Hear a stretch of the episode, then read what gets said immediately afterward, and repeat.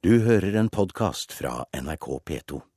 Nå skal vi til et seminar i Oslo sentrum. Om få minutter så starter det et seminar som handler om kunst som politisk ytring i Russland. Og det skjer på Nobels fredssenter i Oslo. Arrangør er Oslo World Music Festival med støtte fra Penn Norge, Amnesty og Fredssenteret. Og sjef for det hele er Alexandra Arketti Stølen, og her forklarer Stølen hvordan Russland ble tema for seminaret. Altså, det var på en måte litt tilfeldig, for vi skulle egentlig lage et seminar om, om uh, frigjøringskrigen i Algerie. Vi åpner jo med en konsert uh, som heter El Gusto i morgen. Så snakket jeg med Aleksander Sjeparukin, som er en venn av festivalen, uh, i august, og fikk høre hele hans historie rundt hans engasjement i Pussy Riot-saken.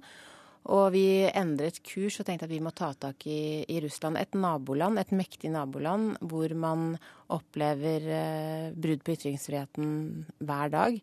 Så vi tenkte at det, det, skal vi belyse, og saken har ikke akkurat blitt mindre aktuell siden vi bestemte oss for å ta tak i det i august i år, da. Og Dette er et initiativ som kommer til, fra dere, men dere har jo fått med dere mange andre. Og dere har også fått med dere en del russiske stemmer, og det er ikke bare Sjerupkin som vi hørte her. Dere har også fått med dere andre som kanskje er ganske ukjente for oss. Ja, vi har fått med oss Ksenia Sobchak, som er kanskje en av de mest på en måte kontroversielle i panelet. Hun er uh, en TV-kjendis, egentlig, og guddatteren til Putin. Uh, dessuten så har hun blitt da kjæreste med en, en revolusjonær som heter Ilya Yashin, som, eh, som da gjorde at hun på en måte endret kurs og ble litt eh, mer eh, radikal, på en måte. Og byttet side, hvis man kan si det sånn. Så de to kommer begge to. Han var jo arrestert på lørdag, gjorde en ulovlig aksjon og slapp ut igjen på søndag og er i Oslo i dag. Det er jo egentlig ganske utrolig. Og så har vi fått med oss eh, en av medlemmene fra Pussy Riot og, eh, og eh, Artemid Troitsky, som er en ganske kjent rockejournalist, men også en, en hva skal man si, samfunnsdebattant. Um, så ja, vi, ikke, vi har et liksom ganske bredt panel, og selvfølgelig Sjeparukken er jo her også. Ja, og han utløste jo alt det som skjer i ettermiddag. Og hvem er han? Han er egentlig Jeg kjenner ham fra musikkbransjen. Han er en ganske kjent musikkprodusent. Har jobbet med Hun Hurtu, som mange norske lyttere sikkert kjenner til siden 90-tallet. Og har mange store festivaler i Ukraina og Russland.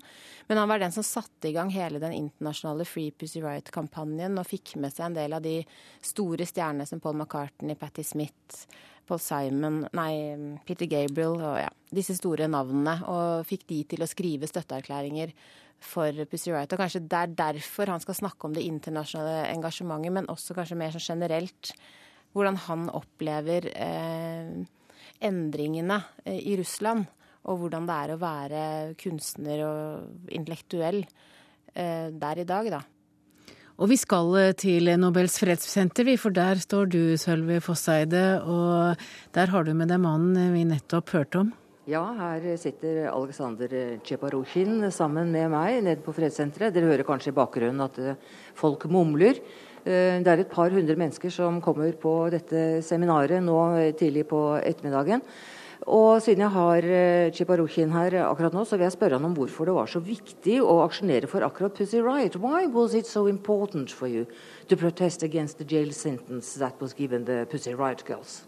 Because now we have um, escalation of uh, complete uh, lawlessness in Russia, and it's really, really threatening. It's really kind of uh, uh scary, even though we knew the tendency uh, of Putin's regime to uh, kind of uh, oppress freedom of speech, whatever, but we couldn't expect such a rapid uh, attack against uh, freedom of speech. And whatever happened with Pussy Riot was uh, uh, definitely obscurantist inquisition process based on absolutely fake accusations. They deserved maximum 1,000 rubles fine, which is about 30 euros, or maximum, yes, 15 days of administrative detention. And they used absolutely fake accusations. That's why it was not possible not to react. Han sier at det er en eskalerende undertrykkelse av uh, folks uh, muligheter for å gi uttrykk for hva de mener i Russland akkurat nå. Han syns det er skremmende, og det virker farlig. Han sier også at disse jentene hadde for, ja, Den straffen de hadde fortjent etter loven, var maksimum 1000 rubler i bot eller noe sånt noe. Um, did it take a long time to uh, get answers from uh, the world hot stars that you uh, contacted to help in uh, this uh, action? First of all, I don't want to exaggerate my role because the case with Pussy Riot was so black and white, so obvious, mm. and so kind of theatrical, kind of Beauty and the Beast, you know. so many people, many journalists, and many people all over the world started to react almost from the very beginning. But it was important to kind of awaken the most uh, prominent people. So when I understood that it's important, first of all, important for the girls themselves to get this support, I started to meet these people and to write them letters. And the first guy who really reacted was Peter Gabriel. But Peter Gabriel also was kind of friend of mine. It was very easy for me to to appeal to him directly. And for quite a long time, he was uh, absolutely alone in this support of Pussy Riot and Russian protest movement in general. And then uh, we started to contact other people, and again, Peter Gabriel wrote a very good letter to the girls themselves. We started to collect these letters from different people. And some people, uh, very known or not very known, they helped a lot. For instance, British um, musician and a kind of political singer and songwriter, Billy Bragg, he helped a lot disseminating this information, convincing other musicians. Peter Gabriel helped a lot because he not only made two video statements and uh, the red, uh, handwritten letter to the girls, but he also wrote a very important article in the Times newspaper explaining why it's so important to intervene to so-called Russian affairs at this very time. And in the end, uh, something unexpected happened with me because uh, people suggested me not to speak with Paul McCartney because he is uh, absolutely hopeless. But I finally, two days before the court, before the verdict, I thought, why I'm listening to all of them, why am I'm listening to all these suggestions of top managers, artists from UK, whatever. Let me be myself. So I wrote a very passionate letter to Paul McCartney, and he reacted in one hour, and he made a very passionate statement to protect Pussy Riot in his website and everywhere. Eh, nå forteller Aleksander Alexander eh, at det tok en tid. og Peter Gabriel var den første som svarte på henvendelsen hans. og Han gjorde en kjempejobb. Selv så underdriver han sin egen delaktighet i dette som har foregått, men han har jo vært krumtappen. Han forteller også at ble, det ble sagt at Paul McCartney kom, kom, ikke til å bli med på dette her i det hele tatt, for han svarte aldri på noen ting.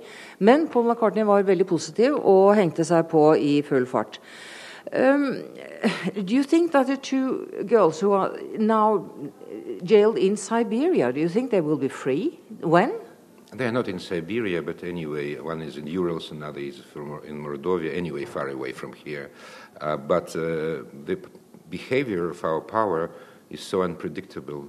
We hope that they might be released, but nobody can say exactly. For instance, one of our panel speakers today, Ilya Yashin, mm-hmm uh, one of the leaders of uh, Solidarity Movement and one of the leaders of uh, uh newly elected um, Coordination Council of uh, Russian opposition, was arrested uh, two days ago for participation in absolutely legal protest against tortures and lawlessness. You know, one of left activists was literally kidnapped in Ukraine when he was asking political uh, asylum, and he was brought forcefully to, to Moscow. And then uh, everybody in uh, investigation committee, in police, and everywhere in power tried to present that he himself came to Moscow and himself, uh, you know, recognized that he was like uh, preparing terrorist acts or something like this. So people were reacting with, with, with anger and protest. And the guy, Ilya Yashin, was arrested. So tomorrow he will still be in, in Oslo missing the court. So uh, he, he, has to be in court tomorrow. And he was arrested already about 100 times. So uh, they definitely now, they are in power, they definitely tend to, to scary people because they think that uh, time of dialogue is over. And in fact, they've done so many bad things, that time is dialogue seems like really over. Um, I have to thank you for telling us this uh, awful story, and I can only wish you good luck with your fight. Thank you. Okay, takk. Thank you very much. Og takk til deg, Sølvi Fosseide. Og seminarledelsen hadde altså planlagt å ha med seg Pussy Riot-medlemmet som ble arrestert, men senere løslatt. Hun skulle være med på videolink, men det gikk ikke. Det fortalte arrangør Alexandra Arketti Stølen tidligere i dag. Vi forsøkte hele helgen, hadde studio i Associated Press It Big to dager på rad. Men, eh, men det har vært eh, vanskelig, og vanskelig å få det til. Så mm, det har skjedd veldig mye i Moskva i helgen. Så de er veldig, veldig opptatt av de to jentene som er blitt flyttet over på, på hva skal man kalle det, leir. Eh, og, og de bruker all sin tid på, på, dem, og er veldig bekymret. Sånn at de, de fikk det rett og slett ikke til. Men vi har jo en av medlemmene i Oslo som skal delta på seminaret og snakke live til oss. Gro Holm, du er også med oss, eh, og du er utenrikskommentator her i NRK. Eh, hvordan vil du forklare at akkurat eh, Pussy Riot-saken har fått så stor oppmerksomhet? Fordi at For det første, det slo jo veldig an i vestlige medier, dette modige at tre jenter, eller det var jo egentlig flere, men går inn i en kirke eh, og ber til jomfru Marie om at Putin må kastes ut av landet midt oppi en presidentkampanje. Og det, eh, det, det er veldig spektakulært. Det er ikke veldig populært blant russere flest, men det er veldig spektakulært. Og det er modig gjort, helt klart. Og det fikk jo da også to års fengsel. Men disse er jo ikke alene om å gjøre vågale ting i det veldig repressive klimaet som nå eh, gjelder i Russland. Ja, Hva er forskjell på undertrykkelse som begås i regi av, eh, av regjeringen, og det som har foregått før, som, som vi jo hørte om eh, før jernteppet falt? Ja, altså Før og før, det kommer an på, Hvis du snakker Stalin, så ble jo folk skutt over en lav sko. Eh, det gjør de ikke nå lenger.